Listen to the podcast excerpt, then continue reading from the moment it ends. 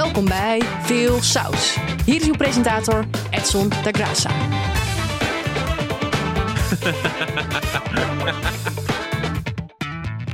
Er komen weer coronamaatregelen aan.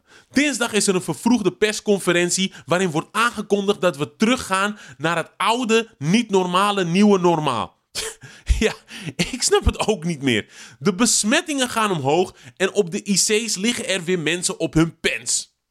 De mondkapjes komen terug. Dan denk ik, tja, mondkapjes helpen die nou echt? Tijdens de vorige golf had ik zo'n mondkapje gekocht die je kan wassen met een leuk gezellig motiefje, want tijdens zo'n pandemie wil je toch trendy blijven. Het probleem is dat ik die mondkap zeker acht maanden lang heb gebruikt en werkelijk nooit heb gewassen. Inmiddels groeit er gewoon tuinkers op. Geloof me, het is nu een mengelmoes van allerlei virussen geworden. Ebola danst de tango met de tyfus op mijn mondkap.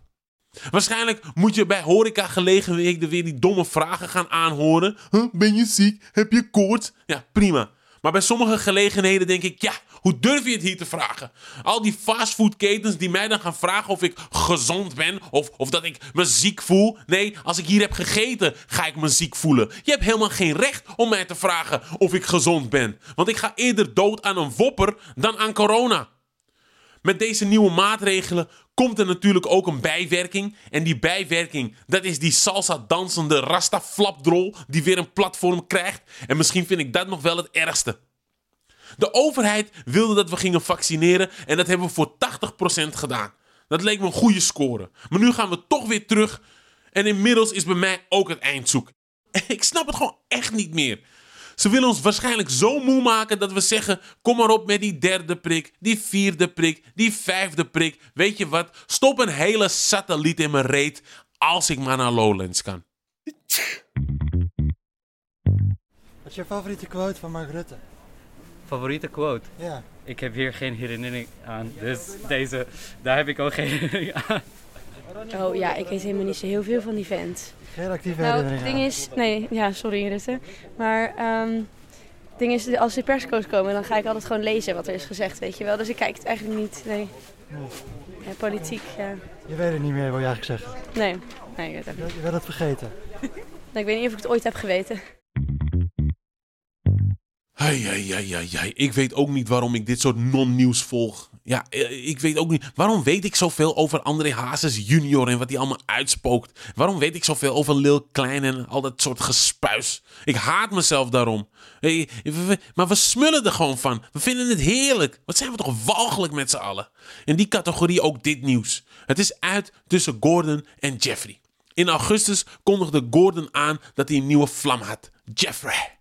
Maar ja, Gordon en zijn relaties zijn net een scène die steeds verneukt wordt. En al is er in dit geval geen kut te vinden, zijn we inmiddels al wel beland bij take 124.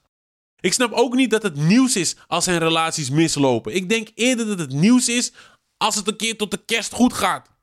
Zieligste in dit verhaal is natuurlijk het hondje van Gordon, Toto. Want nu Jeffrey eruit geflikkerd is, komt de focus weer helemaal op dat arme beest te liggen. Gordon legt de lat ook gewoon veel te laag als het gaat om de leeftijden van deze gasten. Het zijn altijd van die jonge, knappe toyboys die het niet om de mens Gordon doen, maar om die zes maanden shine die ze eruit kunnen trekken. Gordon verdient de liefde zoals ieder ander mens, maar met zo'n portfolio komt hij straks nergens meer aan de bak. We moeten hem beschermen, want nu wordt elke scharrel of kwarrel al breed uitgemeten. Kunnen wij als media gewoon niet afspreken met z'n allen dat we het pas over Gordons relatie hebben als het een jaar stand heeft gehouden? De kans bestaat dan wel dat we het nooit meer hebben over Gordons relaties. Nou ja, dat is ook weer een verademing. Wat doe jij om eh, te besparen op je energierekening? Koud douchen. Koud douchen. Elke ochtend. Extra dekentje. Doe ik zelf ook niet hoor. Maar eh, geld besparen, dat ben ik nog niet zo goed in. Ja, ik flikker gewoon het hele bos in mijn houtkachel. Ronald Koeman is ontslagen als hoofdtrainer bij Barcelona. Na de blamage tegen het net gepromoveerde Rayo Vallecano, echte voetbalkneusjes, moest Koeman het veld ruimen. Kijk, Koeman heeft het fantastisch gedaan bij Oranje, maar bij Barça wilde het gewoon niet vlotten. En dat is ook niet zo gek, want het team bestaat uit oude sterren die tegenwoordig bewegen als een vrachtwagen op een rotonde en uit jonge gasten die net uit hun baarmoeder zijn gegleden. In deze hele zure pap zat maar één krent en dat was Messi. En tja, die is met tranen over zijn wangen, snot over zijn lippen, vertrokken naar Paris Saint-Germain. Ik vind overigens dat Koeman sowieso te lang mocht blijven zitten. Ik gunde deze oude Barca-legende alle successen. Maar toen hij Luc de Jong kocht, dacht ik van welke molen heb jij een klap gekregen? Ik hoopte zelfs dat hij Luc de Jong had gekocht om het voetbal te redden. Door hem altijd op de tribune te zetten en hem nooit meer te laten spelen. Maar wat schetst mijn verbazing? Die gast stond gewoon op het veld in een Barça-shirt. Ik bedoel, je gaat Luciel Werner toch ook niet een halve marathon laten lopen?